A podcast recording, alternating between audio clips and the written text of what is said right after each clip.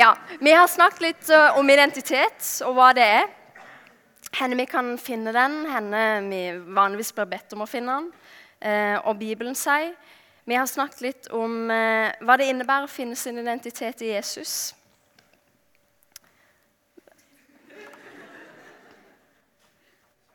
Å oh, ja! Jeg var til, ja, OK. Ja. Ja, fint. Eh, vi har snakket litt om hvordan det er å leve i samsvar med den identiteten vi får når vi kommer til tro. Se det.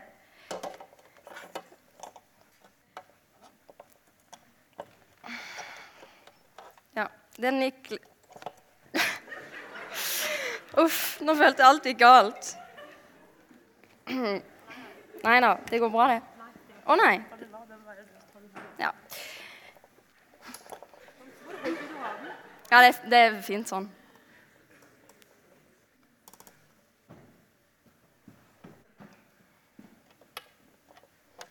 Ja, beklager hvis dere ikke ser ansiktet mitt skikkelig. Jeg ser ikke dere ansiktet mitt.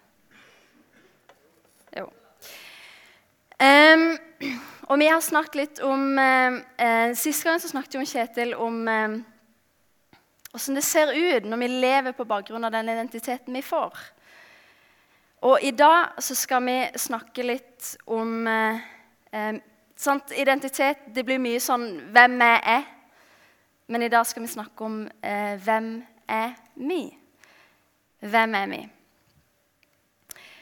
Og det enkle svaret er jo vi er kirka. Vi er menigheten. Men hvem er den? Hva, hva er den? Hva er en menighet? Hva er kirka? Og Det er det jeg skal snakke om de neste minuttene, hovedsakelig under tre punkter. Eh, som jeg nevner nå etterpå. Men, men eh, jeg ber en kort bønn eh, før vi setter i gang. Gode Gud, jeg takker deg for eh, at vi får eh, samles til gudstjeneste. Og få lov til å være i fellesskap med hverandre og i fellesskap med det. Og ta imot det som du vil gi oss. Jeg takker deg for at du har gitt oss Bibelen, ditt ord. Og for at eh, eh, ditt ord Der er det rom for hele livet vårt. Ditt ord det forteller sannheten om hvem du er, og det forteller sannheten om hvem vi er.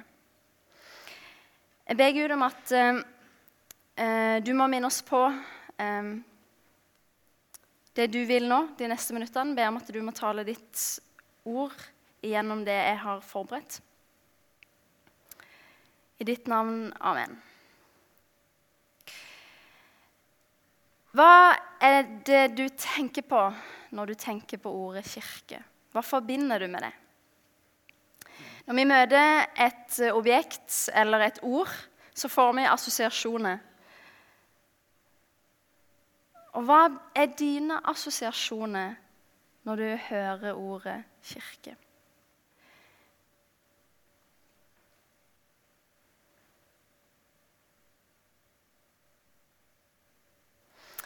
For noen år siden i Misjonssalen så hadde vi besøk av en uh, britisk uh, mann her.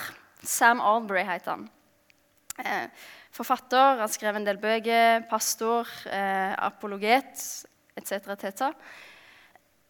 og han snakket faktisk under akkurat samme tittel. 'Hvem er vi?' Og han innleder talen sin med å ta oss med i noen, en refleksjon han hadde gjort seg. Og jeg vil òg begynne med den. Fordi jeg tror han eh, stilte et ganske viktig spørsmål. Um, det satte iallfall et ganske sterkt inntrykk i meg. Uh, og, og, jeg kan også nevne at uh, noen av de tingene som jeg tar med meg videre i talen, det er òg uh, henta fra ei bok han har skrevet om kirke, som heter uh, 'Why Bother with Church'. Sam Albury, altså.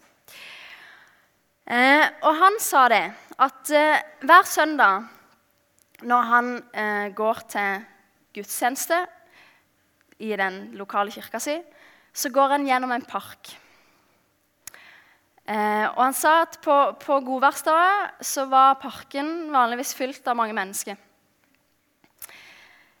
Folk var ute eh, med, med søndagshobbyene sine. Noen satt og, på en benk og leste ei bok. Eh, noen eh, spilte petank.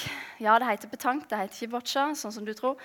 Eh, og det var noen voksne menn der som hadde tatt liksom, eh, med seg sånn små speedbåter som de kjørte rundt på dammen i parken. Eh, um, og Sam delte med oss at uh, det var en tanke som hadde slått han en dag han gikk gjennom uh, parken på vei til kirka. Og det var det, det var det, han delte med oss. Han sa Jeg er på vei til akkurat det samme. Jeg er på vei til min søndagshobby.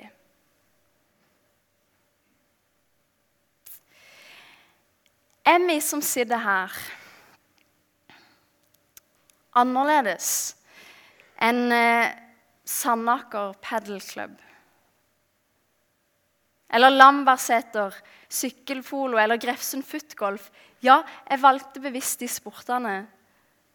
De er rare, og de kombinerer ting som egentlig ikke hører sammen. Og kirka det er en rar ting.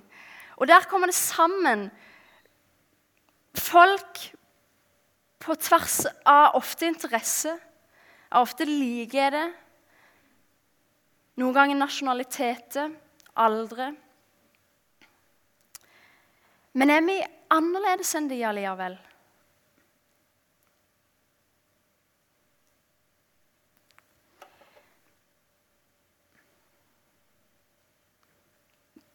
Bare ta det med deg, og så kommer vi eh, litt tilbake til det helt til slutt. Bibelen den forteller oss eh, litt av hvert om eh, kirka. Og vi kunne hatt eh, helt sikkert flere bibelsamlinger om dette. Og jeg får selvfølgelig ikke tatt plass til alt på en tale. Men, men jeg skal ta med noen sånn hovedtrekk. Og i Bibelen så møter vi dette ordet, altså kirke. Det er henta fra et ord som heter eklesia. Som egentlig betyr forsamling eller samling, eh, samling med mennesker. Men etter hvert som de kristne samla seg, seg, på jevnlig basis, så begynte man å bruke dette ordet eh, om de kristne sine samlinger. Men kirka tror jeg vi er enige om, det er jo ikke bare en samling med mennesker. Det er jo ikke sånn at det er noe spesielt kristelig med å samle seg. Det er ikke heller sånn nødvendigvis at det er noe spesielt kristelig å tro. Men det er noe spesielt kristelig å tro på Jesus. Og kirka, sånn som Bibelen forteller oss det, det er en bestemt samling med mennesker.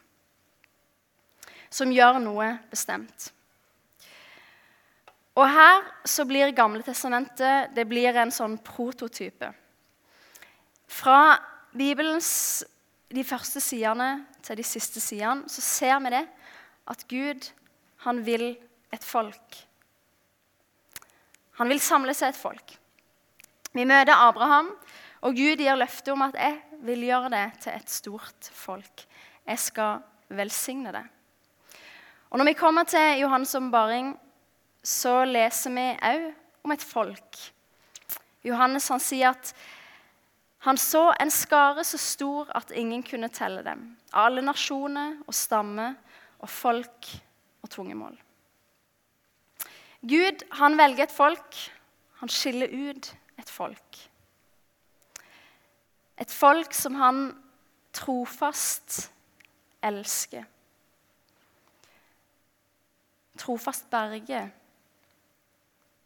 Veileder. Trøster hjelpe, forsørge og frelse. Og israelsfolket, når de samla seg, sånn som vi kan lese om i Gammeltestamentet, så var den samlinga Den hadde noen karakteristikker.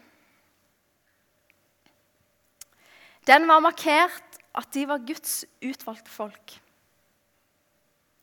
Og de var i Guds nærvær, og de mottok eh, løftet ifra ham. Og Når vi kommer til Det nye testamentet, så lærer vi at i Jesus Kristus så får hele verden del i løftene. Det betyr at hver den som tar imot Jesus, blir, sånn som vi har snakket om flere ganger i denne serien, født på nytt. Den som tar imot Jesus, blir født på nytt. Blir født til et nytt liv, til en ny identitet, som vi har snakket om. Men den personen blir også født inn i en ny familie. Det står at vi er Guds barn, at vi er sønner og døtre av Han. Og det er den første tingen.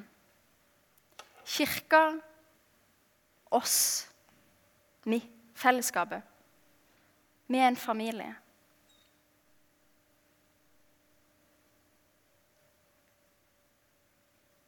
Vi har, på grunn av det Jesus har gjort for oss, og i troa på Han, blitt en del av en familie. Blitt Guds barn. Og som alle familier så har jo denne familien karakteristikker. Ting som kjennetegner oss. Ting som Bibelen forteller oss skal kjennetegne oss. Og jeg skal trekke fram, Det er flere ting, men jeg skal trekke fram to ting. Og Den første tingen, den første karakteristikken for familien, for kirka, for oss, det er sannhet.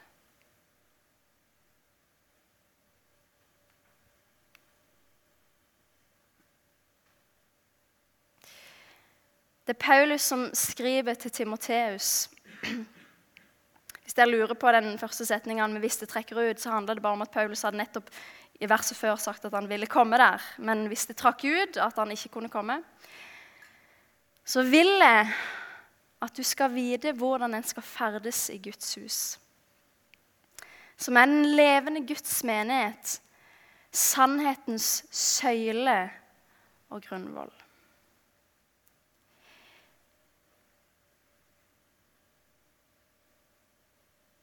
Kirka den er avhengig av Guds sannhet.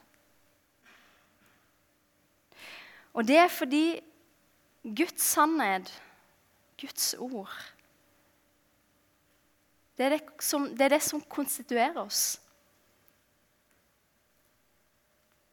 Sannheten om hvem vi er, og sannheten om hvem Jesus er, det er det som gjør at vi eksisterer. Men Guds sannhet den er jo avhengig av kirka. Og det er ikke fordi kirka Det er ikke fordi vi på noe som helst måte kan, kan godkjenne eller kan bestemme hva som er sannheten. Men det er fordi vi formidler Guds sannhet til verden. Vi kommuniserer Guds sannhet inn i hans verden. Vi er på en måte som en ambassade som representerer Gud.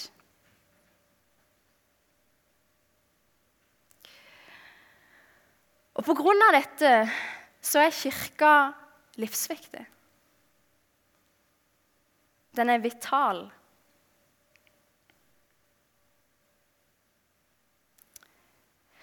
Og Derfor er det sånn at det å mangle ei kirke en plass, det er ikke det samme som å mangle en kino eller en skikkelig butikk.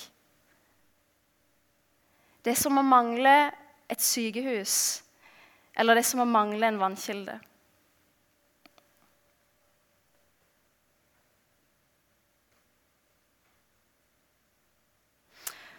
Og det betyr at Oslo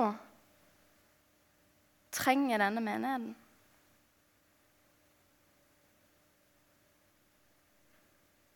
Lokalsamfunnet vårt trenger vår menighet.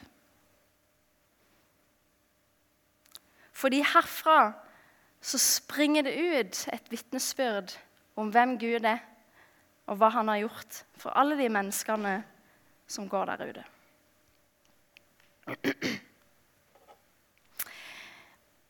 En annen karakteristikk det er kjærlighet.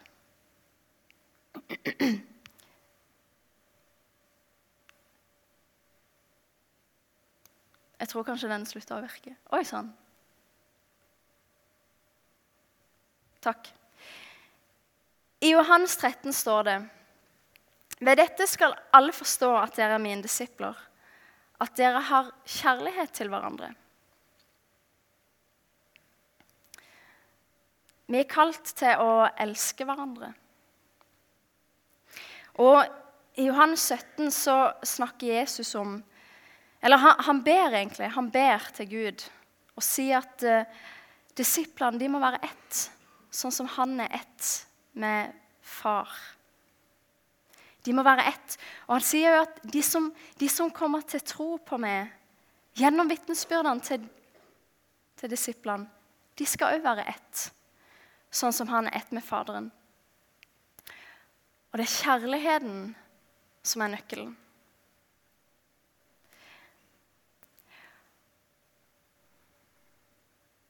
Og det kan kanskje virke enkelt, men så, men så kjenner vi at det allikevel er vanskelig.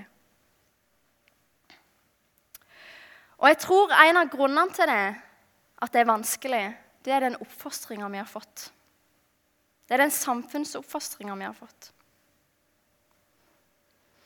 Samfunnet den har fôra oss med individualistiske idealer og med en plastisk kjærlighet.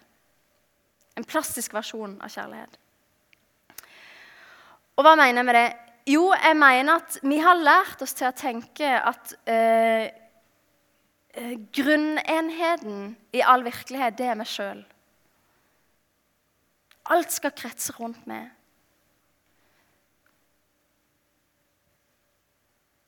Valgene mine kretser rundt meg, drømmene mine kretser rundt meg. Prioriteringene mine kretser rundt meg. Valg, valgene, ja, det sa jeg. Og på grunn av det så skal Så skal jeg ikke Skal jeg ikke bry noen andre, og ingen skal bry meg. Og kompasset jeg skal navigere etter, det er Hvorfor er jeg ute av dette? Hvorfor er jeg ute av dette her? Og Når jeg sier en, en plastisk versjon av kjærlighet, så mener jeg en falsk en. En falsk versjon av kjærlighet. Og en ekstremt snever versjon av kjærlighet. En versjon av kjærlighet som, som har redusert kjærlighet ned til romantiske og seksuelle relasjoner.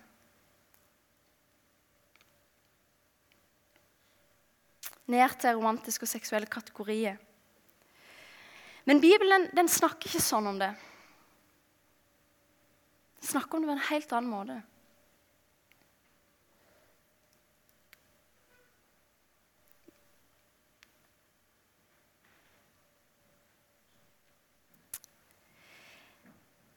Jesus sa til disiplene sine dette her.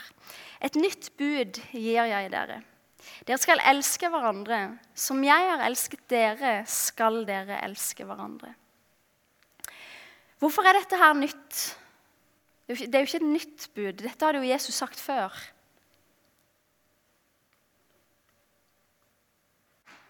Jesus hadde sagt det til den rike unge for eksempel, eller han hadde sagt det til fariseerne når de spurte han, hvilket er det største budet. Men vi ser jo sånn Ser du forskjellen?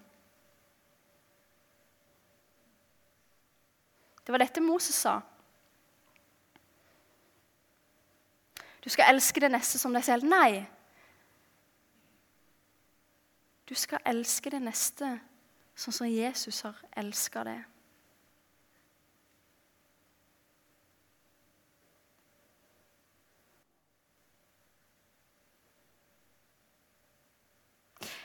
Jeg skal elske det sånn som Jesus har elska meg. Dere skal, dere skal elske hverandre sånn som Jesus har elska dere.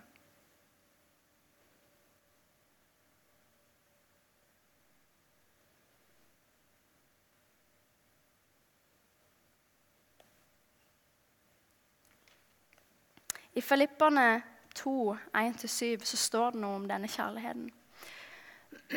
Det står om det da er trøst i Kristus, oppmuntring i kjærligheten, fellesskap i ånden, om det finnes medfølsom barmhjertighet, så gjør nå min glede fullkommen.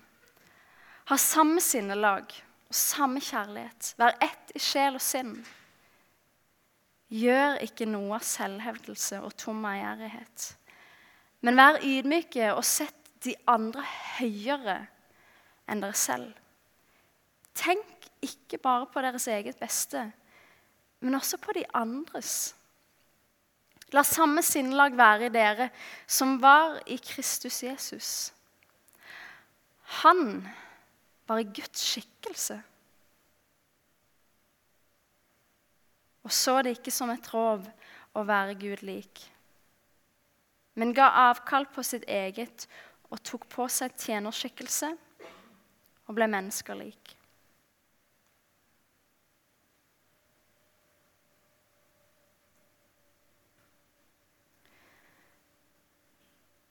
Det er en ufattelig kjærlighet. Det er en sjøloppofrende kjærlighet.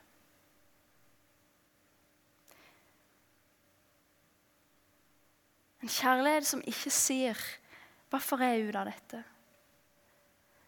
Men hva kan jeg gi?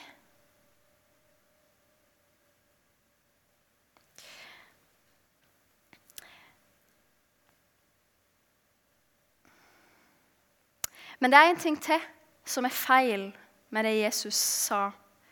Dere skal elske hverandre slik jeg har elsket dere. I hvert fall hvis vi sammenligner det med samfunnsidealet. Og det er skal. Kjærligheten påbys. Bibelen forteller oss at når vi tar imot Jesus, så blir vi en del av en familie. Vi blir Guds barn, og da blir vi òg hverandres brødre og søstre. Når Gud drar mennesket inn til seg, så drar han òg oss til hverandre. Og hvis Gud er vår far, hvis Gud er din far, så er hans sine barn dine søsken. Og da skal du behandle dem sånn som din far forteller deg at du skal.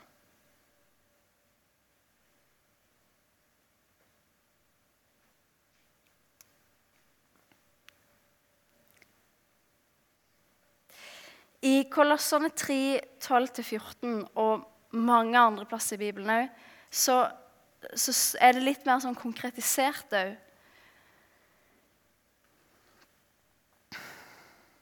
Åssen en sånn kjærlighet skal se ut.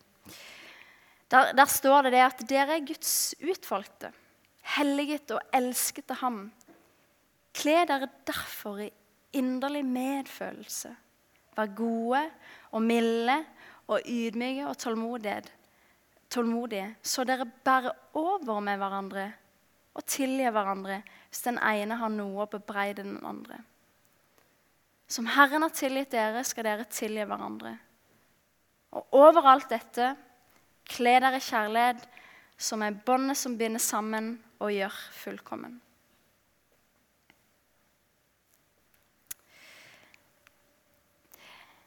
Bibelen snakker òg, og dette er kanskje det vi hører oftest kanskje når vi snakker om dette, men det er veldig viktig. Bibelen forteller om kirka som en kropp. Dere kjenner kanskje til at Paulus har eh, snakket litt om dette i Korinterbrevet. Jeg har henta eh, noen vers som jeg skal lese for dere dette her er et sitat fra, fra Sam Albury um, som minner oss noe om åssen egentlig dette ser ut. Um, church is not a meeting you attend to, but a body you belong to. Men Paulus han sier slik kroppen er én, selv om den har mange lemmer, og alle lemmene utgjør én kropp, enda de er mange, slik er det også med Kristus. For med én ånd ble vi alle døpt til én kropp, enten vi er jøde eller greker, slave eller fri. Og alle fikk én ånd å drikke. For kroppen består ikke av én kroppsdel, men av mange. Når foten sier 'fordi jeg ikke har hånd, hører jeg ikke kroppen til', så er den like fullt en del av den. Om øret sier 'fordi jeg ikke er øye, hører jeg ikke kroppen til', så er den like fullt en del av den. Hvis hele kroppen var øye, hvor ble det da av hørselen? Hvis det hele var hørsel, hvor ble det da av luktesansen? Men nå har Gud gitt hver enkelt lem sin plass på kroppen slik han ville det. Øyet kan ikke si til hånden 'Jeg trenger deg ikke', eller hodet til føttene 'Jeg har ikke bruk for dere'.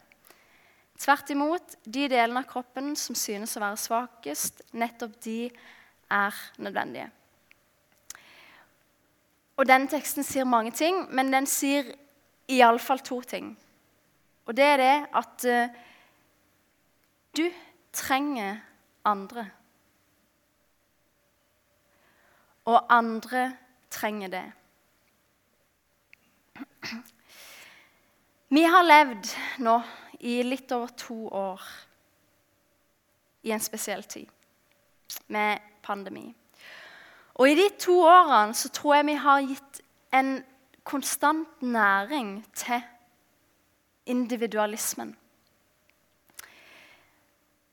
Ingen gudstjeneste, men hva gjør vel det? Jeg kan høre det på podkast eller jeg kan se det på nett.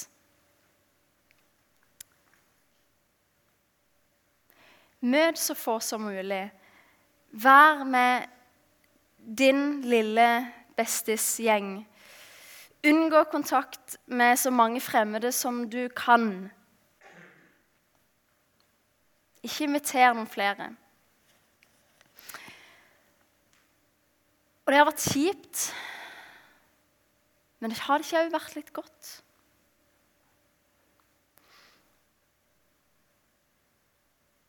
Komfortsona får være med bare mine folk. Men jeg tror Sånn her kjenner jeg det iallfall. Sånn kjenner jeg det. At på den tida så har komfortsoneveggene blitt så tjukke at når vi kom tilbake igjen her i høst, eller når vi kom tilbake igjen her nå i vår, så blir de forferdelig vanskelige å bryte ut av. Møtelederne her sier veldig ofte, nesten hver gang, hils på noen du ikke har hilst på før etter gudstjenesten. Men hvor mange ganger har jeg gjort det?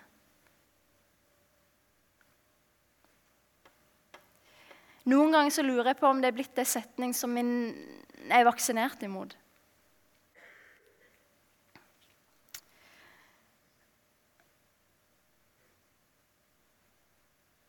Vi har snakka mye gjennom denne serien at um, um, når vi kommer til tro på Jesus, så får vi Kristus i oss. Vi er i Kristus. Og vi får Hans ånd. Hans ånd tar bolig i oss. Men det sier oss jo egentlig noe om òg hverandre, om fellesskapet. Det sier oss noe om at uh, Det blir egentlig vanskelig å elske Kristus uten å elske hans folk.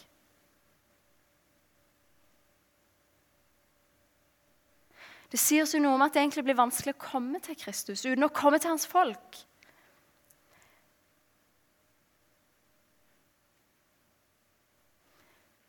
Og Bibelen forteller oss òg at vi kan heller ikke tjene Jesus uten å tjene hans sitt folk. Det dere gjør mot en av disse mine minste, det har dere òg gjort mot meg. Og det dere ikke gjør, det har dere heller ikke gjort mot meg. Der snakker han om sitt folk.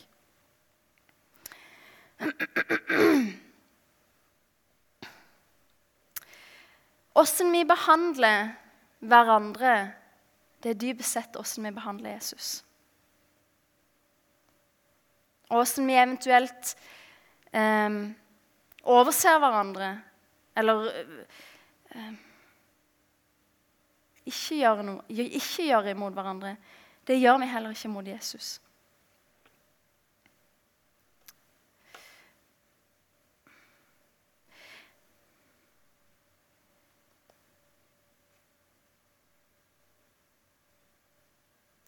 Derfor så må vi Derfor, så, derfor så skal vi gjenkjennes at når vi går inn her, så er det ikke Hva får jeg ut av dette her?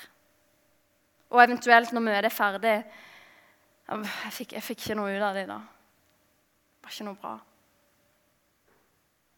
Det er ikke den holdninga vi skal ha.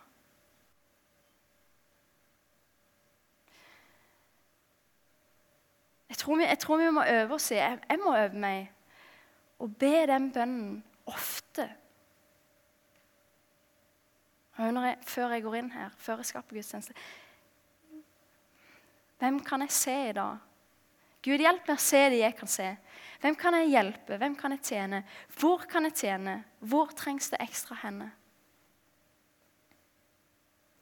Det gjelder både det små, én og én mellom oss, men òg hele menigheten.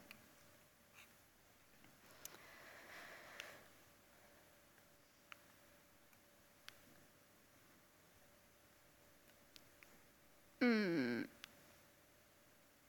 Ja. I Hebreerne 10 så står det La oss ha omtanke for hverandre, så vi oppgløder hverandre til kjærlighet og gode gjerninger. Og la oss ikke holde oss borte når menigheten vår samles, som noen har for vane. La oss heller oppmuntre hverandre, og det er så mye mer som vi ser at dagen nærmer seg. Her forklares det egentlig at en av, grunn, en av grunnene for at kirka er så viktig, det er at det er en, en måte som Gud oppmuntrer oss på. Oppmuntre oss og bevare oss i troa. Og Jeg vet ikke om du så heller, men det står Hold dere ikke vekke, som noen har for vane, men kom. Nei, det motsatte er la oss oppmuntre hverandre.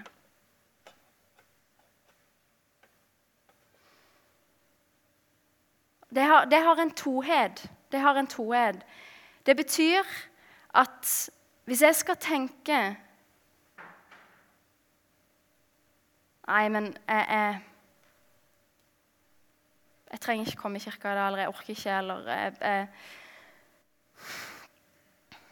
Eller jeg trenger ikke kirka eller det fellesskapet, eller Så sier jeg jo på en måte at jeg, jeg greier meg uten den oppmuntringa som Gud har tenkt å gi meg i troa.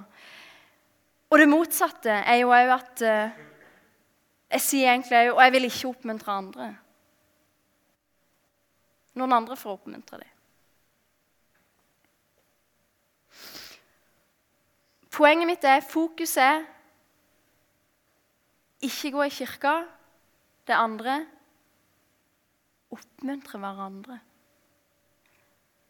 Det forteller oss at kirka er for andre.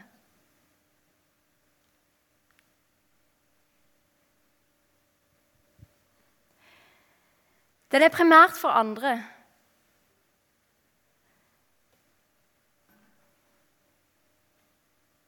Og Hvis vi har den innstillinga alltid Hvorfor er ute av dette? Hvis alle skulle tenkt sånn, hva, hva blir det da?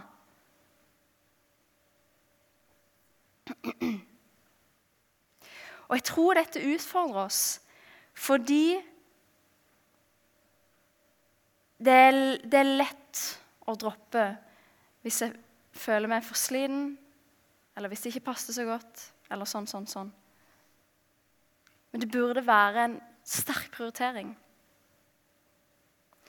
Og så tror jeg jo det er veldig lett i dette fellesskapet som vi er, så mange, så er det veldig lett å skyve ansvaret over på andre. Enten på andre folk eller på en struktur. Nei, men, nei, men det er jo forbønn, så de, altså, de blir jo ivaretatt der. Og sånn og sånn. Og de strukturene vi har, er gode, og det er ikke feil.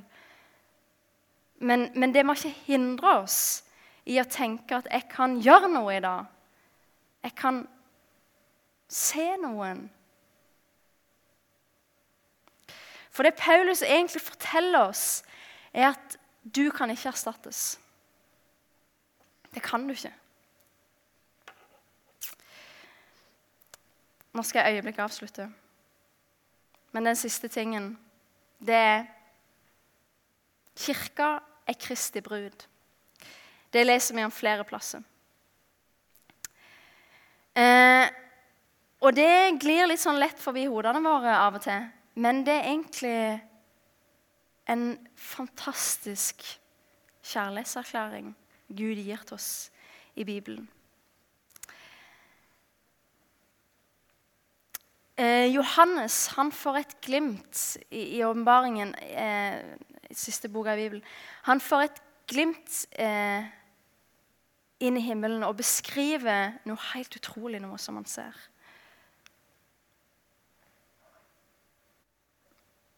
Han, eh, han skriver Og jeg så en ny himmel og en ny jord. For den første himmelen og den første jorden var borte. Og havet fantes ikke mer. Og jeg så den hellige byen, det nye Jerusalem, stige ned fra himmelen, fra Gud, gjort i stand og pyntet som en brud for sin brudgom. Og videre eh, eh, i kapittel 19. La oss glede oss og juble og gi Han ære. For tiden for lammets bryllup er kommet. Hans brud har gjort seg i stand og har fått en drakt av skinnende rent lin. Linet er de helliges rettferdige gjerninger.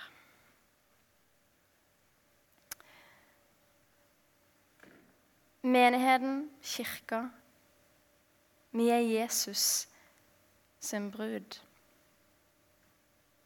Og det fins ufattelig mange eh, bibelvers som viser en intens kjærlighet en intens lojalitet og en intens forpliktelse fra Guds side imot sitt folk.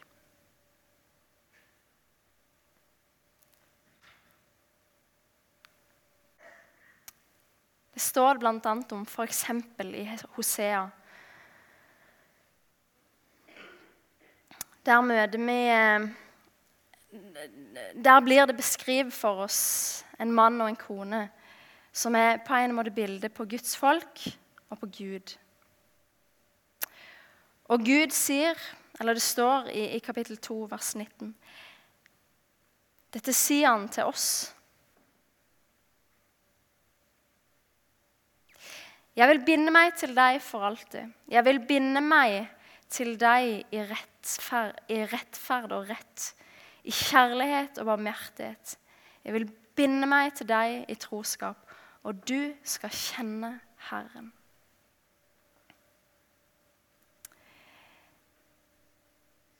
Det er i alle fall én ting som står ganske klart for oss når vi leser dette her. Og det er at for Jesus så er vi langt ifra en søndagshobby.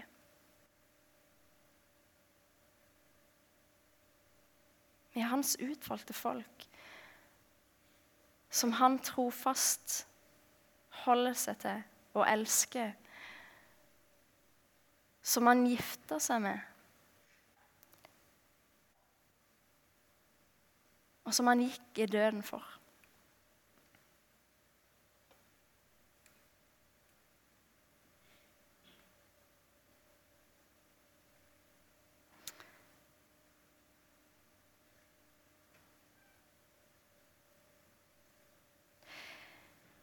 Det var, det var, noen ting, og så er det mange ting å si. Og så er dette utfordrende.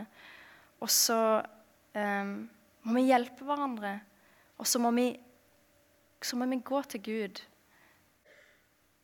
og be Han om å hjelpe oss til å gjenspeile det fellesskapet som vi blir fortalt om, selv om vi er mangelfulle. Og så tror jeg, for å trekke det litt til det Thea sa i stad Disse barrierene som så mange ganger er vanskelig å bryte. Jeg tror vi har noen barrierer, spesielt etter korona, som er forferdelig vanskelig å bryte.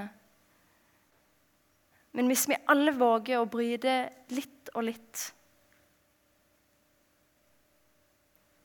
så tror jeg det hadde vært fantastisk. Kjære Jesus, jeg takker deg for, um, for at du har elska oss like inn i døden. For at du har gitt ditt liv for oss. Takke deg for at du, du har valgt oss først, Gud. Du har vist oss kjærlighet først.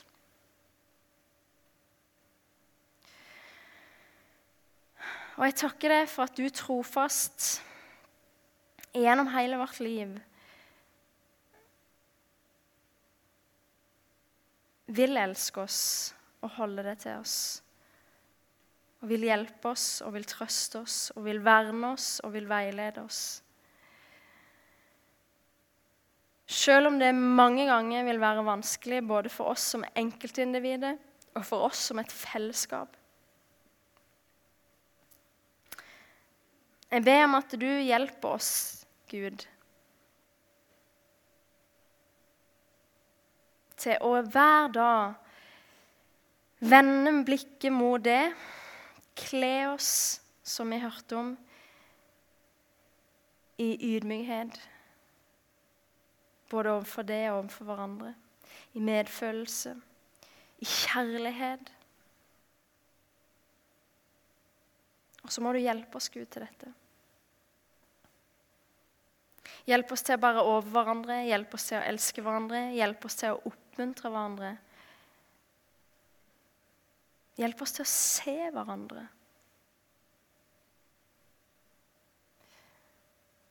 Amen.